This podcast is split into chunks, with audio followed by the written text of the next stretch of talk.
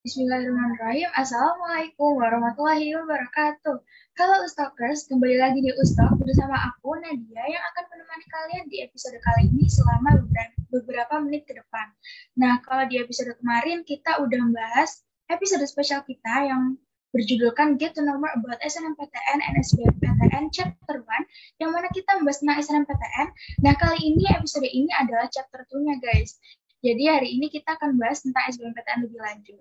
Nah, buat kalian yang belum nonton chapter 1-nya, tonton dulu ya, karena ada banyak ilmu juga tentang SNMPTN yang bisa kalian dapatkan dari episode tersebut. Nah, di episode kali ini, tim kami, tim dari Ustok, sudah mendatangkan dua narasumber yang tentunya juga nggak kalah keren dari narasumber episode sebelumnya nih. Langsung aja aku bacain CV singkat mereka berdua ya. Nah, kebetulan kakak-kakak ini merupakan alumni dari Angkatan 8 SMA IT Alusa Surabaya. Kakak yang pertama memiliki kesibukan di SMA di organisasi MPS dan juga Ambalan. Sedangkan kakak yang kedua memiliki kesibukan di SMA sebagai Sekretaris Umum MPS periode 2019-2020. Selain itu juga merupakan anggota Dewan Aspirasi MPS pada periode 2018 dan 2019. Selain itu, kakak yang kedua ini merupakan salah satu murid eligible SNM Angkatan 8 yang juga masuk top 10 dalam 5 semester. Jadi nggak kalah keren nih sama episode sebelumnya yang, yang narasumbernya masuk top 10 selama 6 semester berturut-turut. Nah, selain itu juga kakak yang satu ini merupakan salah satu delegasi dari OSK Astronomi pada tahun 2020 Nah, kalau di episode sebelumnya ada Kak Azra yang merupakan founder dan juga akademik koordinator dari kelas mulai. Kakak yang satu ini merupakan koordinator humasnya nih guys dari kelas, kelas mulai pada tahun 2021. Daripada kita nunggu lama-lama lagi, langsung aja aku reveal narasumber kita di episode kali ini. Ada Kak Risma dan juga Kak Ima. Assalamualaikum Kak Risma dan Kak Ima. Halo, Waalaikumsalam. Halo, Waalaikumsalam. Gimana nih Kak kabarnya di hari ini? Apakah sehat-sehat semua atau merasa agak tidak enak badan? Ya, Alhamdulillah sehat. Ya, Alhamdulillah sehat walafiat sekarang. Alhamdulillah. Nah, aku juga nggak bakalan bosen-bosennya nih buat ingetin ke ustaz sekalian untuk selalu jaga kesehatan karena akhir-akhir ini sering banget kita dengar bahwa kasus COVID maupun Omikron lagi naik-naiknya. Jadi untuk para ustaz sekalian tetap jaga kesehatan dan juga jangan lupa protokol kesehatannya selalu dijalankan dengan baik. Langsung aja nih kita mulai ya sesi ustaz kali ini karena aku sendiri juga udah penasaran banget sama jawaban-jawaban dari para narasumber kita. Untuk Karisma sama Kak Ima, apakah sudah siap untuk menjawab pertanyaannya? Insya Allah sudah siap. Siap, sudah. Oke. Okay. Nah, kan tadi udah nih ada CV singkatnya ya yang merupakan kesibukan-kesibukan di SMA. Kalau sekarang nih aku penasaran, Karisma sama Kak Ima ini sekarang ada di masuk di jurusan apa universitas mana dan juga apa sih alasannya Kak Risma dan juga Kak Ima memilih jurusan itu atau universitas itu? Mungkin dimulai dari Kak Ima dulu ya. Baik, terima kasih Nadia. Uh, sebelumnya aku mau ngucapin terima kasih banyak nih kepada Nadia dan juga tim yang udah berusaha keras menjalankan agenda ini agar terlaksana dengan baik. Nah, setelah itu, aku juga mau ngucapin terima kasih kepada Risma, teman perjuangan aku, yang udah ngajak aku sharing bareng di sore hari ini. Nah, perkenalkan nama aku Nurmananti Rosyadi Husna. Aku biasa dipanggil Ima, dan aku adalah mahasiswa Universitas Brawijaya, program studi Ilmu dan Teknologi Pangan, angkatan 2021. Nah, kalau untuk alasan aku kenapa masuk di program studi ini, sebenarnya ini adalah pilihan aku setelah memikirkan secara lama ya. Jadi aku milih program studi ini juga aku mikirin panjang banget. Nah, salah satu alasannya itu adalah karena uh, aku memang tertarik di bidang gizi dan pangan. Terus juga kan makanan itu adalah kebutuhan primer kita ya. Jadi kayak aku mikir aja kalau prospek kerjanya itu ke depannya bakalan lebih luas dan bakalan berkembang lagi gitu. Jadi itu kenapa aku milih program studi ini. Wah, Masya Allah. Ada mahasiswa Universitas Brawijaya nih guys di Ustaz kali ini. Setelah kemarin dari Universitas Erlangga, sekarang ada dari Universitas Brawijaya, yang juga merupakan salah satu dari universitas yang banyak peminatnya di Indonesia. Seperti itu. Nah, lanjutnya Kak Risma silakan untuk menjawab. Ya, izin masuk ya. Sebelumnya terima kasih buat tim stok yang udah ngundang aku. Sebenarnya aku itu sih kerasa gak pantas saja mau diundang di sini gitu. Jadi perkenalkan nama aku Harisma Dana, biasa dipanggil Risma. Aku sekarang jadi mahasiswa Fakultas Kesehatan Masyarakat, program studi Kesehatan Masyarakat di Universitas Jogja. Lalu buat alasan aku kenapa aku ngambil kesehatan masyarakat, sebenarnya itu sih lebih ke saran dari orang tua. Kalau dari aku sendiri, kesehatan masyarakat itu di nomor sekian dari pilihan. Gitu. Jadi lebih ke saran dari orang tua. Wah, Masya Allah. Jadi emang semuanya ini merupakan mahasiswa-mahasiswa keren ya kalau ada di Mastok ini. Masya Allah sekali. Apalagi kan lolosnya karena SBMPTN yang mana perjuangannya itu lebih gitu harus menunjukkan soal-soal seperti itu. Nah lanjut nih Kak, uh, sebagai mahasiswi, apa sih kesibukannya di universitas sekarang? Ada ikut organisasi atau jenisnya itu enggak? Atau mungkin ada kesibukan lain di luar uh, kampus seperti itu? Mulai dari Kak Risma dulu mungkin. Kalau dari aku, aku sekarang join ke UKM. UKM itu unit kegiatan mahasiswa itu kayak ekstrakurikuler kalau di SMA ya. Aku sekarang join Mapala, mahasiswa pencinta alam kesehatan masyarakat, sama UKM PH Songo. Itu kayak UKM seni gitu sih. Jadi aku sekarang kesibukannya itu join Mapala. Barusan kemarin itu baru turun iklan. Wah, kalau nggak salah tadi kan di CV juga dijelaskan bahwa karisma ini merupakan ambalan. Kalau nggak salah juga pernah ke SMP Italusa nggak sih buat pramuka gitu? Aku ngelihat dari yang lain belum ya. Soalnya kayaknya belum. aku belum aku belum di belum di SMP kayaknya. Ya soalnya waktu periodeku ambalan itu kan covid ya, jadi itu prokernya yeah. itu banyak yang belum terlaksana. Jadi aku kenapa aku join Mapala soalnya ya itu sih gara-gara aku pernah join Apala. Wah, Masya Allah. Nah, selanjutnya bisa nih Kak Ima melanjutkan melanjutkan jawabannya.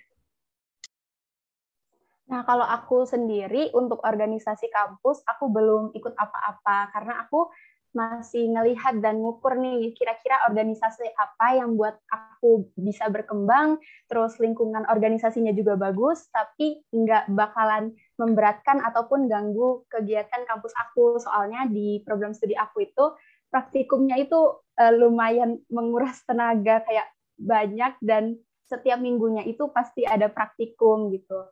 Terus selain itu aku juga di semester 2 ini aku dipindah sama uh, program studi aku dari regular class aku dipindah ke English class. Jadi kayak aku uh, ada beban baru untuk belajar bahasa Inggris lebih lancar lagi buat memperbanyak vocab juga. Jadi kayak aku belum ikut apa-apa gitu. Kalau untuk di kampusnya itu. Nah, kalau untuk eksternalnya aku juga ada kesibukan aku punya online shop sama kakak aku di mana itu memang yang mengelola cuma aku sama kakak aku aja. Jadi kayak aku masih takutnya kalau misalkan aku ikut organisasi sekarang jadi kayak aku kan belum tahu nih kayak peralihan dari SMA ke kuliah gitu jadi kayak aku takutnya keteteran dan nggak maksimal gitu sih kalau aku Oh, Masya Allah, jadi Kak Iban ini punya online shop sendiri ya. Kalau boleh tahu, online shopnya ini jualan apa nih Kak? Kalau aku sendiri online shopnya jualan Korean stuff ya. Jadi karena wow. aku pribadi adalah K-popers, jadi aku dari tahun 2020 ya, aku merintis online shop gitu. Uh, Masya Allah. Jadi selain fan girl, tapi akademik sama online shop tetap jalan gitu ya, Masya Allah. Ini bisa jadi panutan juga, bisa jadi juga buat para fan girl lain, terutama buat aku juga, bahwa selain kita kita juga harus fokus sama akademiknya, harus tetap memikirkan masa depan kita, jangan sampai terlena seperti itu. Nah benar juga nih tadi kata Kak Ima, kalau kita harus uh, melihat kemampuan diri kita dulu sebelum kita mengikuti banyak hal di luar sana. Contohnya tadi kan Kak Ima itu masih mengukur kemampuannya untuk ketika uh, selain di kuliah, tapi juga di organisasi dan juga di online shop. Jadi masih berusaha untuk uh, apa ya istilahnya kayak berusaha untuk menyeimbangkan gitu ya kak antara ketiganya itu. Jadi belum bisa untuk belum bisa untuk join ke organisasi karena takutnya malah ada salah satu yang keteteran seperti iya, betul. Buat kalian-kalian juga nih ya, kalau misalkan kelas 10, kelas 10 belum ini belum ikut organisasi, nggak apa-apa. Kalian lihat dulu kemampuan kalian dulu. Kalian udah bisa dengan baik belum untuk manajemen waktu. Kalau udah baik, nggak apa-apa join lagi di kelas 11. Nah, kalau yang kita tahu nih ya, SBMPTN itu kan identik sama ngerjain latihan soal, kemudian buku pelatihan soalnya juga tebel-tebel, kemudian juga ada ikut tryout-tryout itu baik dari sekolah maupun eksternal. Nah, boleh dong di-sharingkan apa aja sih suka dukanya selama menjadi pejuang SBMPTN? Mungkin mulai dari Kak Ima dulu ya. Oke. Uh, kalau suka dukanya jadi pejuang SBM sebenarnya dari judulnya aja sebenarnya udah kelihatan ya banyak dukanya. Tapi mungkin aku mulai dari dukanya dulu ya. Kalau dukanya itu uh, waktu kita untuk main sama teman, kayak tidur, hangout itu tentu aja berkurang gitu ya. Jadi kayak rasanya tuh pasti capek, jenuh gitu pasti tuh ada. Terus yang kedua itu uh, jadi kayak kita harus dituntut lebih dewasa gitu untuk menghadapi gimana sih caranya biar kita hilang rasa jenuhnya, gimana sih biar kita itu uh, balik lagi semangatnya gitu sih. Nah, kalau sukanya sendiri itu uh, untuk aku pribadi, jadi aku sama teman-teman aku yang lain, termasuk sama Risma dulu nih, kayak kerasa banget gitu bahwa pertemanan itu uh, lingkungan pertemanan itu mempengaruhi banget. Jadi kayak kita saling support, kita saling kasih tahu kalau ada tryout gitu-gitu. Jadi kayak uh, apa ya? Jadi ngerasa bareng-bareng gitu. Jadi kita majunya itu bareng-bareng. Benar sih ya. Kalau kata orang-orang ini pertemanan SMA itu benar-benar mempengaruhi kita ke depannya apalagi di perkuliahan karena emang kalau dari yang Kak Iman ceritain tadi itu kan ada kayak sebuah apa ya pertemanannya antara Kak Risma, Kak Ima dan juga teman-teman yang lain tuh benar-benar saling support antara satu sama lain dalam persiapan SBMPTN ini.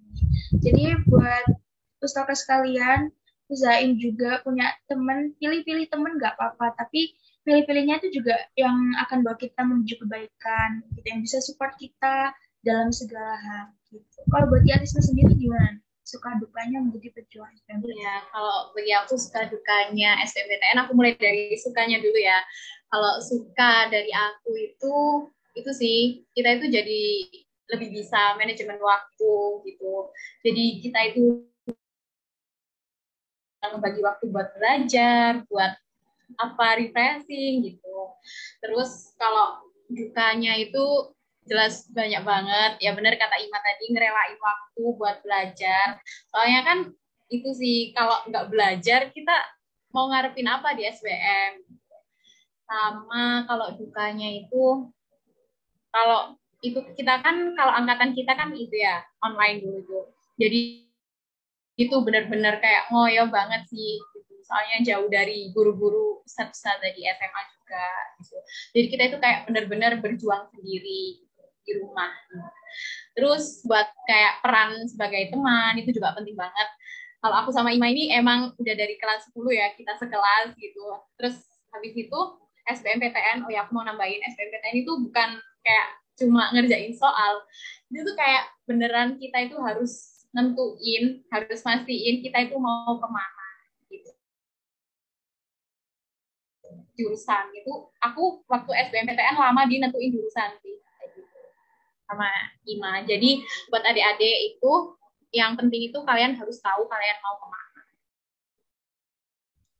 Nah benar dikata Karisma ya. Jadi ketika apa ya kita tuh harus udah ini ya udah harus mempersiapkan kita mau masuk mana biar nanti itu pas mendekati hari-hari di kelas 12 itu kita udah nggak bingung lagi mikir kita mau ke mana kita cocoknya di mana kayak gitu.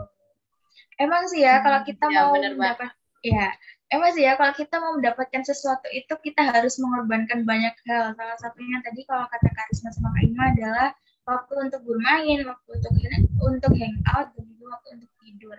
Tapi alhamdulillahnya kalau usaha itu tidak akan mengkhianati hasil gitu.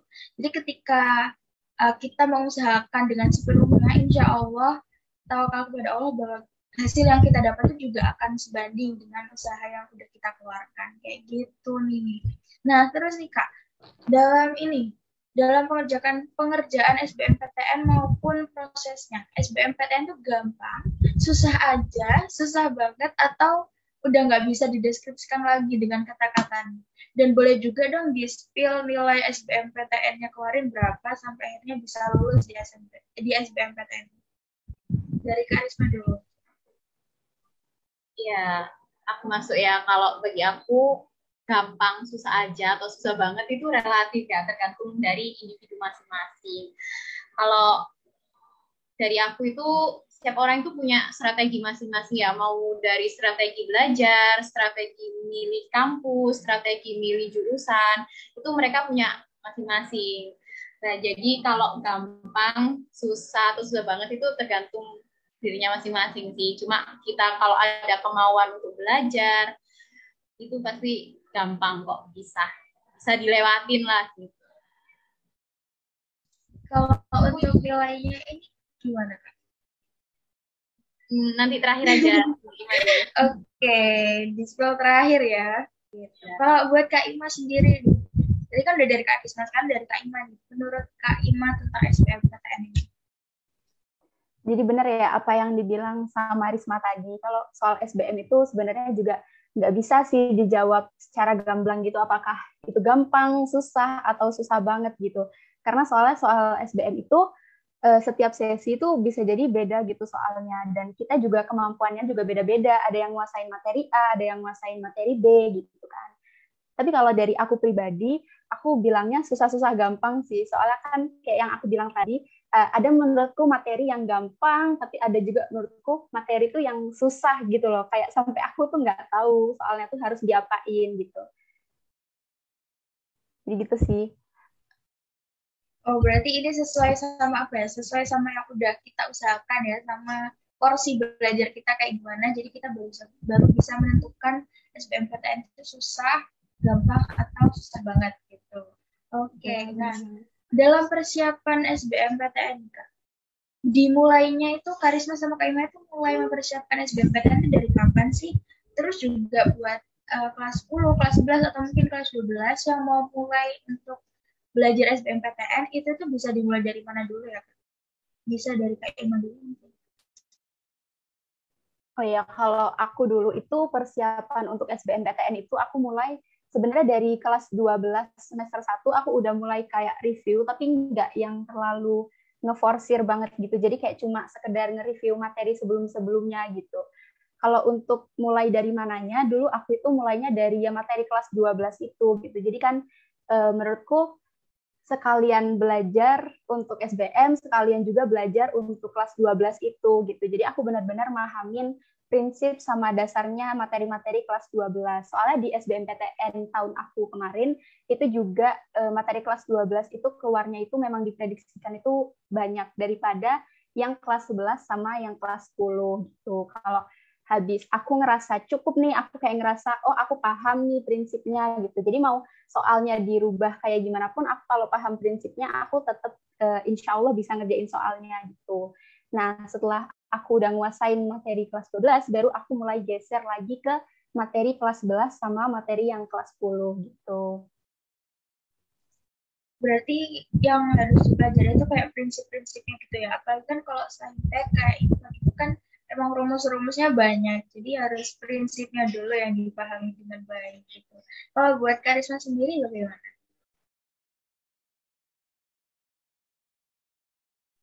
Ya kalau dari aku mulai dari kapan itu sebenarnya itu sih ngikutin jadwal sekolah, tapi cuma kesalahan dari aku biar kalian nggak keikutan gitu ya.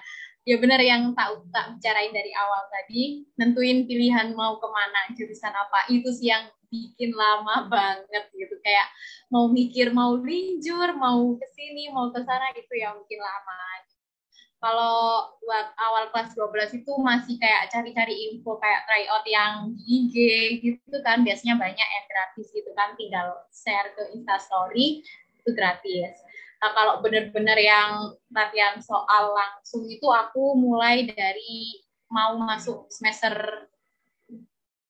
2. Mau masuk semester 2 kelas 12. Berarti kayak udah mulai ini ya, latihan di buku-buku latihan gitu ya, kalau di semester 2. Iya. Oh, oke. Okay.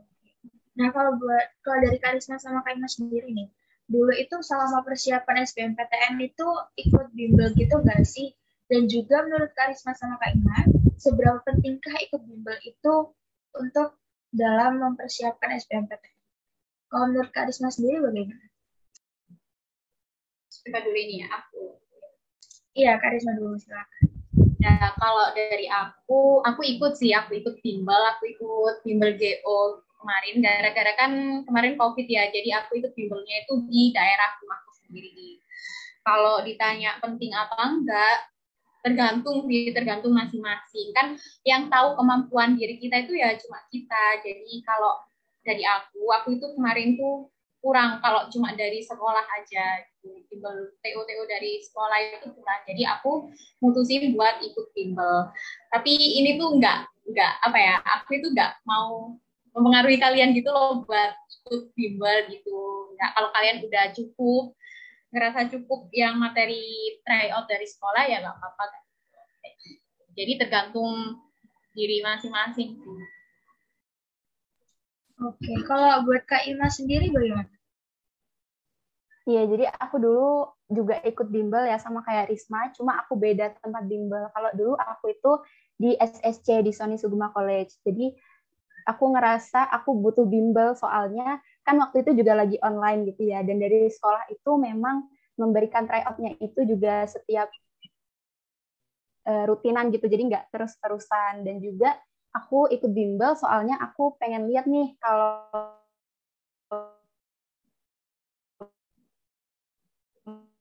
misalkan SBM kan tipe soalnya tuh ada saya jadi uh, aku lebih banyak tahu nih gimana tipe-tipe soalnya gitu jadi aku kayak Eh, nggak uh, cuma fokus di tipe soal yang A, tapi aku juga bisa nambah-nambah uh, tipe soal yang lain itu kayak gimana sih gitu. Bahkan dulu aku sama Risma itu juga ikutan ruang guru, terus ikutan Zenius gitu-gitu. Kita tuh bareng ikut-ikut tryout yang di luar dari bimbel dan juga di luar dari sekolah gitu.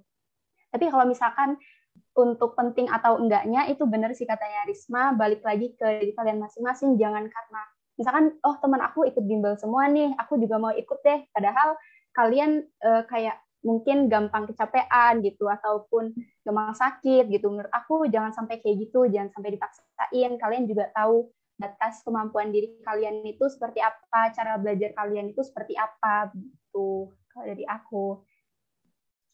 Jadi emang harus disesuaikan sama porsi diri sendiri ya, karena takutnya kan kita udah sekolah dari pagi sampai sore, belum lagi kalau 12 tuh, kalau kelas 12 tuh kalau nggak salah ada tambahan jam sore ya untuk persiapan soal-soal gitu. Nah takutnya ketika kita ikut bimbel, terus kita jadi kurang istirahat, takutnya kita malah ngedrop, apalagi ketika mendekati hari dari SBMPTN itu. Takutnya malah kita jadi gagal untuk mengikuti SBMPTN. Kan kita juga nggak mau ya, kita udah mempersiapkan banyak hal, tapi ternyata di hari H kita nggak bisa ikut karena sebuah alasan yang secara mendadak gitu, secara yang tidak bisa kita prediksikan gitu. Nah, kalau buat Karina sama Kak Ina sendiri, gimana sih caranya untuk biar bisa tetap istiqomah dalam belajar, baik dalam mengerjakan latihan soal ataupun ikut-ikut tryout seperti itu? Silakan Ina dulu. Oke, kalau aku udah dari aku dulu ya. Kalau aku dulu itu gimana caranya? Itu aku memang niat dan emang aku pengen gitu. Aku pengen masuk PTN nih. Nah, gimana sih caranya aku biar masuk ke sana? Secara aku sadar aja nih kalau misalkan di PTN itu saingannya tuh nggak cuma dari satu sekolah doang, tapi kayak dari seluruh Indonesia juga pengen masuk situ gitu. Jadi kayak aku ya harus belajar dong selain juga aku berdoa ibadah yang kenceng gitu kan aku juga harus belajar yang giat gitu kan. Jadi itu sih kenapa aku bisa istiqomah. Sebenarnya aku juga nggak seistiqomah itu kok guys. Kayak aku juga kadang tuh sering kok kayak capek jenuh kayak udah pusing banget lihat soal kayak apa ya kan soalnya kalau diforsir terus-terusan itu kan bakalan jenuh terus malah jadi nggak fokus gitu. Jadi kadang kalau misalkan aku capek jenuh gitu aku juga berhenti kok kayak ya aku berhenti sebentar gitu mungkin aku uh, refreshing ngapain dengerin musik uh, ngelakuin hal yang aku suka. Nah kalau nanti misalkan aku udah semangat lagi nih untuk belajar baru aku balik lagi gitu. Tapi aku juga nggak uh, nggak lama-lama gitu untuk mengembalikan semangat itu soalnya aku tuh nyadar gitu kalau misalkan kita kelamaan istirahat nanti mulainya lagi itu bakalan susah gitu Kalau aku gitu sih dulu. Kalau Kak Risma bagaimana? Ya betul, kayak katanya Bima. Soalnya kita kan SBMPTN ya, kita mau dapetin PTN. Kalau lewat jalur SBMPTN itu kan pasti nggak pakai uang gedung ya maksudnya. Nah pasti masuk sana itu nggak mungkin kita cuma usahanya dikit, harus banyak kan, harus benar-benar di call gitu. Jadi itu sih pertama itu kemauan sama niat gitu. Jadi kalau aku dulu itu apa harus ada peningkatan gitu hari hari ini aku ngerjain 50 soal besok itu harus 80 soal gitu. Jadi aku target sih gitu. Sama doanya juga dikencengin. Terus habis itu TO-TO juga itu meskipun males ya harus tetap dikerjain karena nggak mungkin kita itu mau dapat sesuatu yang luar biasa tapi usahanya kita itu biasa-biasa aja gitu. Jadi kayak kita harus sadar gitu ya bahwa Benar. ada sebuah tujuan yang mau kita gapai jadi kita harus berusaha lebih untuk mendapatkan hal itu tapi juga tetap don't push your don't push yourself too hard. Jadi jangan memaksakan diri sendiri karena tubuh kita juga punya batasannya.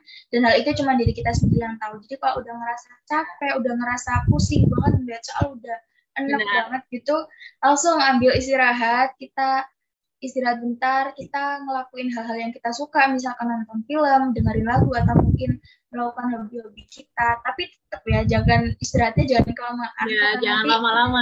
Iya, kita kalau udah kelamaan istirahat tuh malah jadinya tuh kita mau memulai lagi tuh rasanya berat banget, susah banget karena kita udah merasa nyaman sama waktu istirahat kita. Iya, gitu. benar-benar.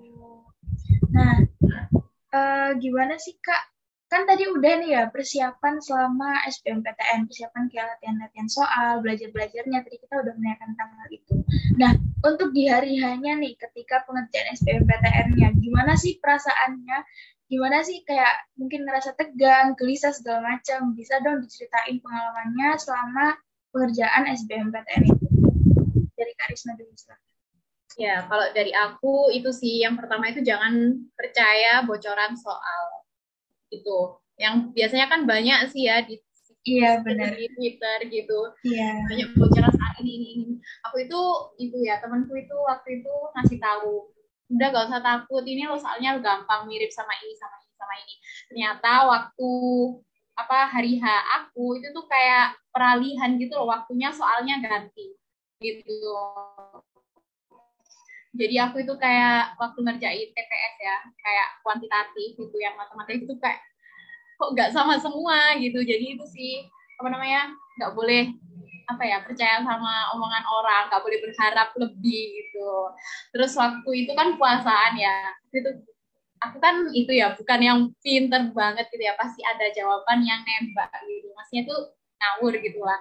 Ya gitu sih aku itu sempet nangis di di tengah-tengah pengerjaan aku itu nangis. Aku kayak banyak yang nggak bisa, banyak yang ngawur gitu. Jadi sambil sholawatan aku itu sambil nangis gitu. Emang nangisan banget aku waktu SBM itu.